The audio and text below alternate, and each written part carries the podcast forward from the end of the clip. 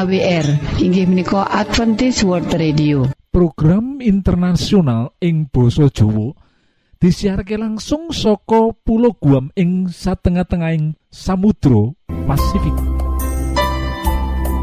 Poros ing wektu sing apik iki bakal maparake tiga program yoiku siji ruang motivasi lan rumah tangga loro ruang kesehatan lan telu ruang firman Allah. Kita pracojok program iki bakal jadi manfaat jadi berkah kagem kita kabeh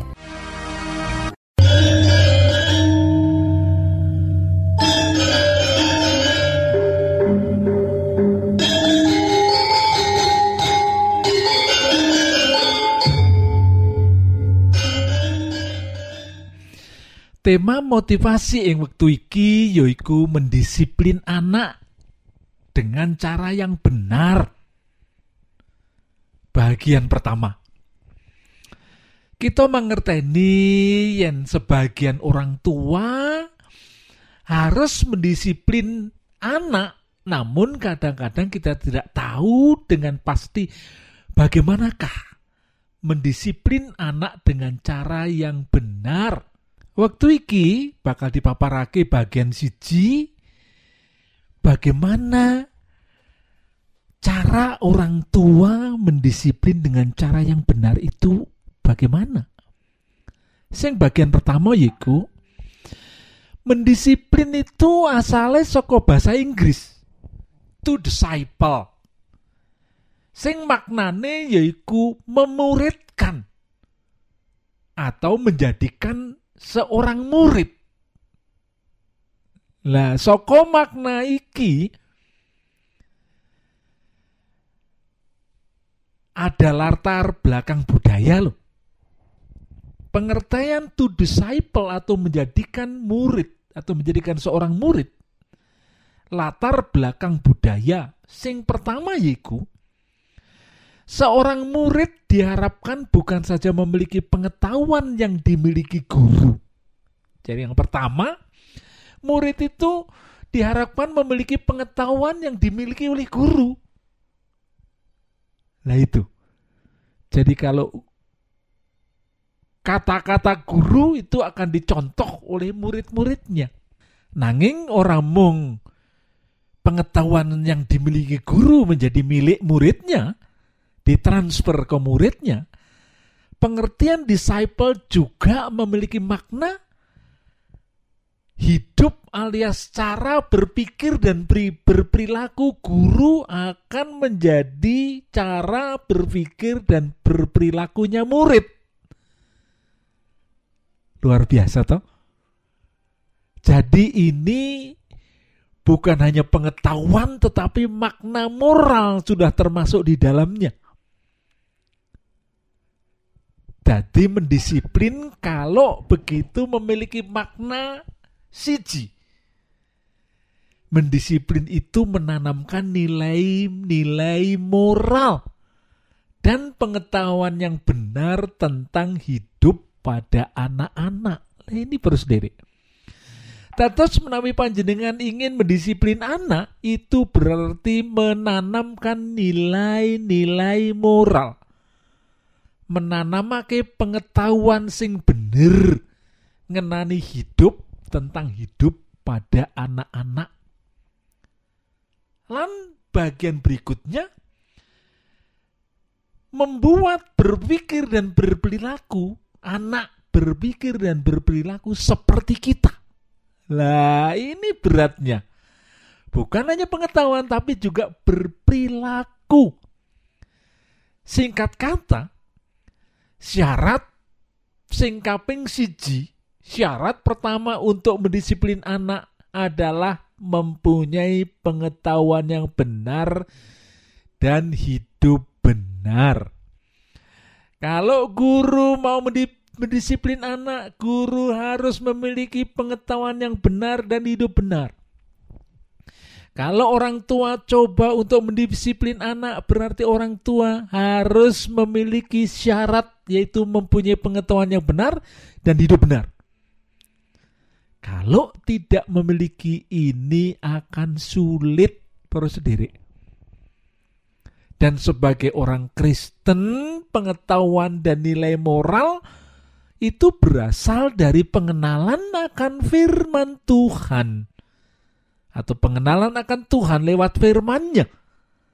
Sedangkan hidup benar bersumber dari ketaatan kita atau hidup kita sesuai dengan kehendak Tuhan. Lah, nek jenengan akan mendisiplin anak-anak, pendisiplinan sepisan maneh bermakna yaitu memberikan kepada anak-anak pengetahuan yang benar tetapi juga memberikan kepada anak hidup atau berpikir, berperilaku seperti kita, yaitu yang benar. Mulo guru, orang tua harus punya pengetahuan yang benar dan hidup yang benar, baru bisa mendisiplin anak dengan baik karena makna disiplin adalah to disciple. Nah, Gusti berkahi.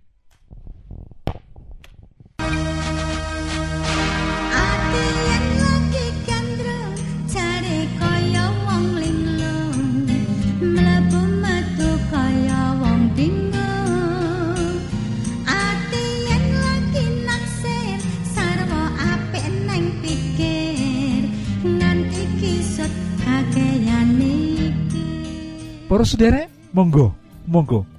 Sugeng mirengaken program pertama inggih menika Ruang Motivasi.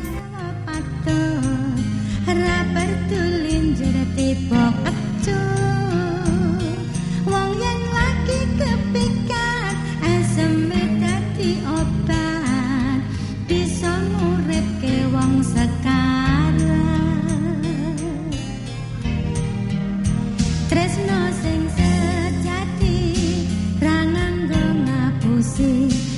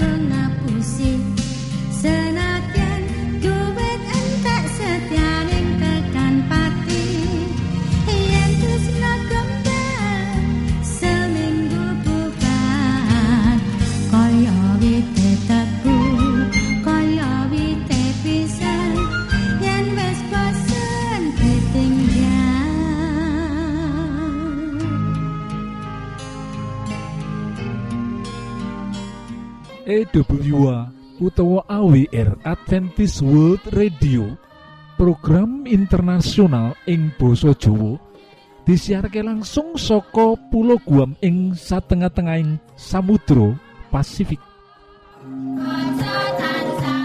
Poros derek Monggo Monggo sugeng mirengaken program kedua inggih ruang kesehatan. Salam sehat Gusti berkahi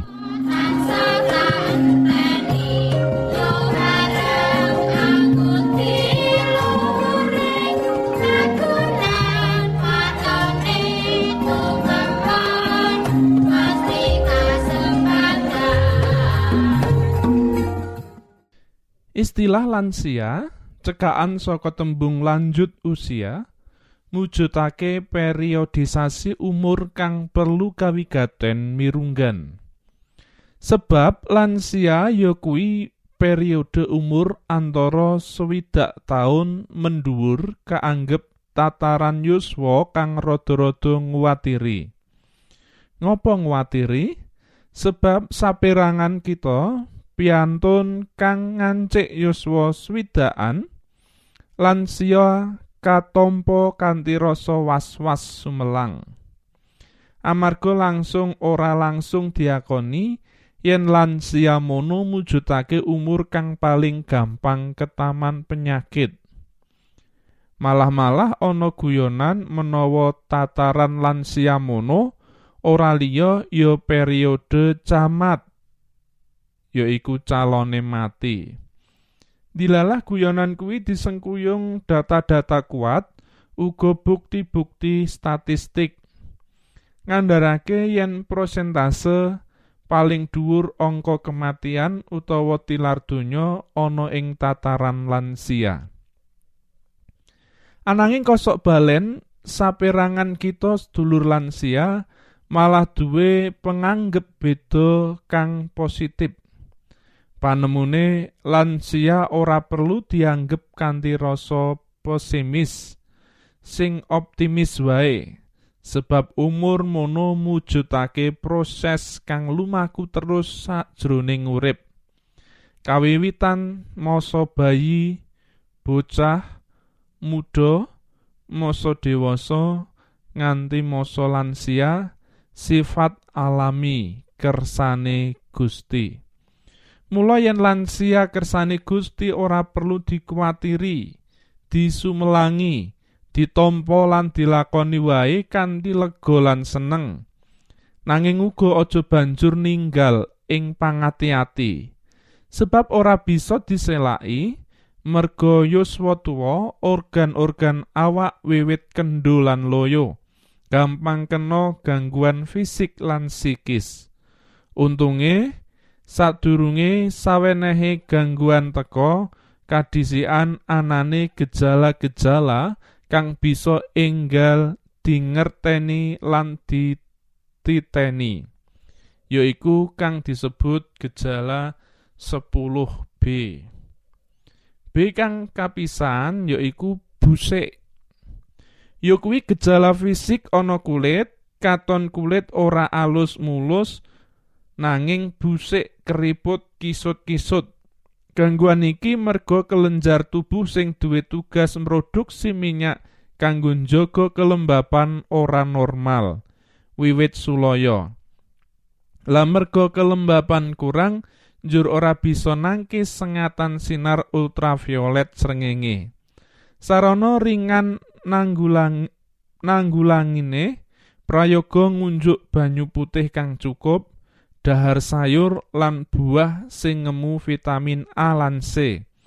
Wiwit ajek ngolesi kulit mawa pelembab krim body lotion dene jenis saha merek nyumanggakake.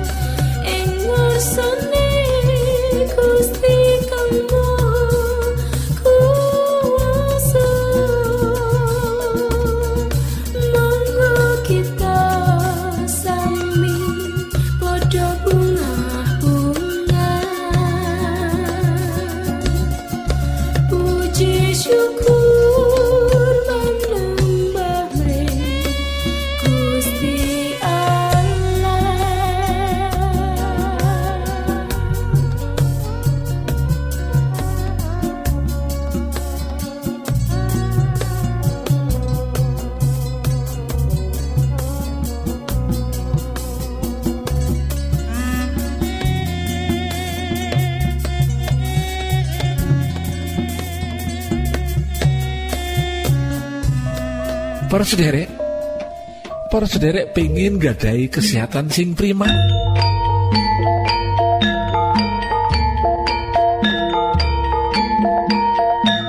Niki lo, nasihat sing tapi berkata kesehatan iku larang regane sing perlu dijogo kesehatan iku modal kita kanggo gayu sakabeng cito-cito berolahraga saben cukup istirahat. 6 nganti wulung jam. Sedino ngombe banyu putih wolung gelas saben dina. Mangano sing bergizi. Hindarkan minuman keras lan ojo ngrokok kesehatan iku modal kita kanggo gayu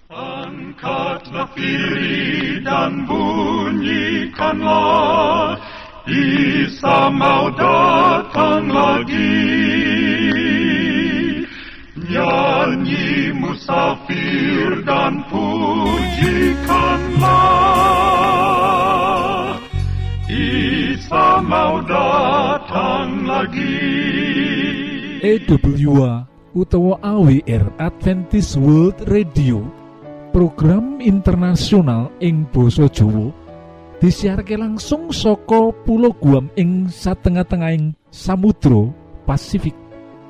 Poros derek ing wektu sing apik iki monggo kita siapkan hati kita kangge mirengaken firman Allah. Datang lagi datang lagi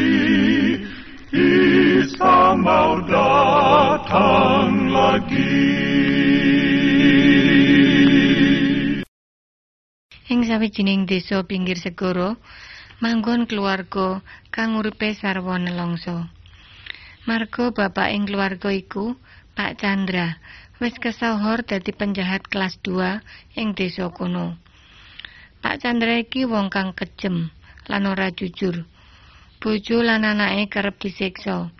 Tangga teparone padha wedi marang dheweke. Para sutresna, sawijining dina Pak Chandra gelut karo Pak Pinter kang kesohor dadi penjahat kelas 1. Lan ing wektu iku Pak Pinter nganti mateni dening tangane nganti mati dening tangane Pak Chandra. Lan wiwit dina iku Pak Chandra dadi luwih kesohor dadi penjahat kelas 1. Wong-wong sekampung dadi tambah wedi marang Pak Chandra. Dheweke tambah kejem, uga marang bojo lan anak-anake. Bojone prihatin banget weruh kahanan sing lanang kaya iku. Para sutresna, Nanging ora ana bab kang ora mungkin tumrap Gusti. Kang Maha Agung lan welas asih. Ing sawijining sore, mula dadine keajaiban iku. Nalika ana mobil mlebu ing desa kono, mobil kang ana tulisan Lembaga Alkitab.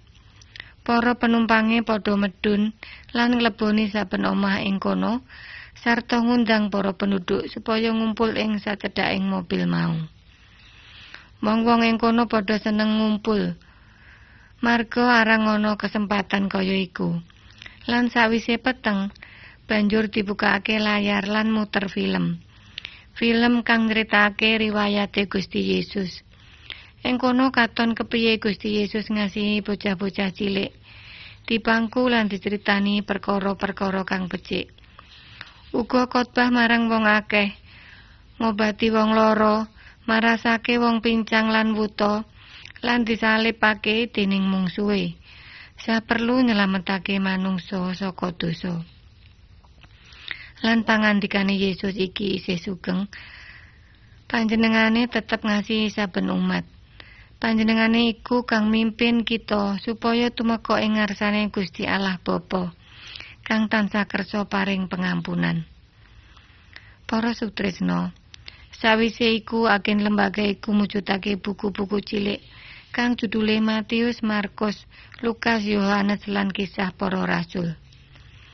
Lan ngendikane, buku-buku iki nyritakake riwayate Gusti Yesus. Ing kene cukup pasadian. Sapa kang ngersakake buku-buku iki, monggo nulis asma ing kene lan perlu bayar sithik wae. Buku-buku iki bisa diasta kondur. Para sutresna, bojone Pak Chandra lan anake kaget weruh Pak Chandra maju, raga-raga sak lan ngetokake duit. Pak Chandra tuku buku-buku iku mau. Pirang-pirang dina sawise iku, Pak Chandra katon maca buku-buku iku. Nanging akhire dheweke celatu. Yen buku iku ora cocok kanggo dheweke. Lan dheweke banjur bali nyunjung keranjang iwak lan lunga dodolan iwak ing pasar. Sajroning ngadepi dodolan iku dheweke tetep penjahat kelas 1. Ngapusi para wong tuku iwake, iwak kang wis ala dicampur iwak kang isih seger. Lan maksa marang wong-wong supaya tuku iwak dagangane. Para sutresna, ing sawijining bengi, anake kanthi wedi nyedhaki bapake lan takon, "Bapak, menapa mboten remen kalian buku-buku mau?" Buku iku pancen apik kanggo wong liya nanging ora kanggoku. Kejahatan wis nguasani diriku. Ora ana kang bisa nulungi aku, saure. Nanging ing sawijining sore, Pak Chandra bengok saking senenge. Coba rungokno iki, kandhane marang bojo lan anake. Buku iki nyritakake apa kang disebut donga. Donga iki ora padha karo donga-donga kang wis kita kenal. Donga iki isine kaya lagi munjuk atur donga marang Gusti Allah. Banjur dheweke wiwit maca donga Bapa kita. Antarane unine. Nanging mugi paduka walaken saking piyawon. Dheweke maca bagian iku nganti bola bali. Para sutresna kang kinasih, wong kang wiwite ora ngira yen bakal ana dalan pangampunan marga saking akeh dosa-dosane. Nanging Gusti Allah tansah paring dalan kanggo bali marang dalan kang bener. Ora ana wong ing donya iki kang ora dosa. Marga saka ngrasa akeh dosa, mula kudu nyedhakake urip iki marang Gusti Allah kang Maha Kuwasa. Gusti Allah kang murbeng dumadi. Supaya urip kita disucikake, supaya iman kita dikuatake lan tahan ngadepi sakabehing godha ing donya iki. Lan wiwit dina iku Pak Chandra kang ngrasa yen uripe wis ora pantes cedhak karo Gusti Allah kang Maha welas lan asih. Saiki wis regep nindakake kabecikan. Lan ing dina iku uga kasih lan pengampunan Gusti wis nerangi uripe Pak Chandra. Luwih kuat tinimbang tarian kuasa setan kang tansah nawakake dosa. Lan wiwit dina iku Pak Chandra ngakoni Gusti Yesus minangka juru wilujenge. Lan dheweke tansah ngaturake pandonga mung marang ngarsane Yesus. Para sutresno, yen kita maos ayat saka kitab suci kang kaserat ing Matius 11 ayat 28, unine mangkene.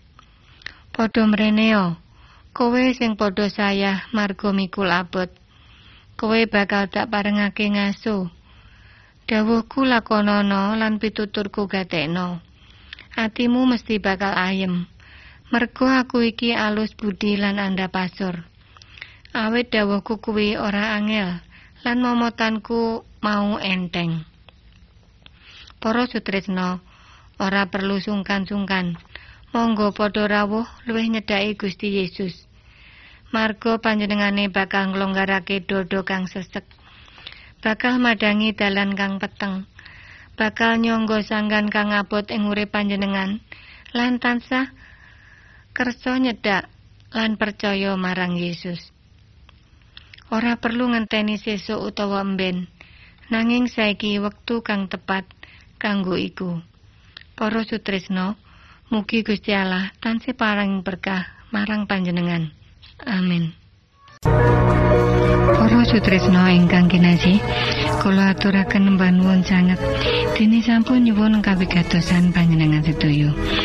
Mugi-mugi menapa ingkang kita aturaken wonten manfaatipun kagem panjenengan sakeluargi. Lan Gusti Allah tansah paring ayo mugi kagem panjenengan sedaya. Keluargi. Lan Gusti Allah tansah paring ayo mugi kagem panjenengan sedaya.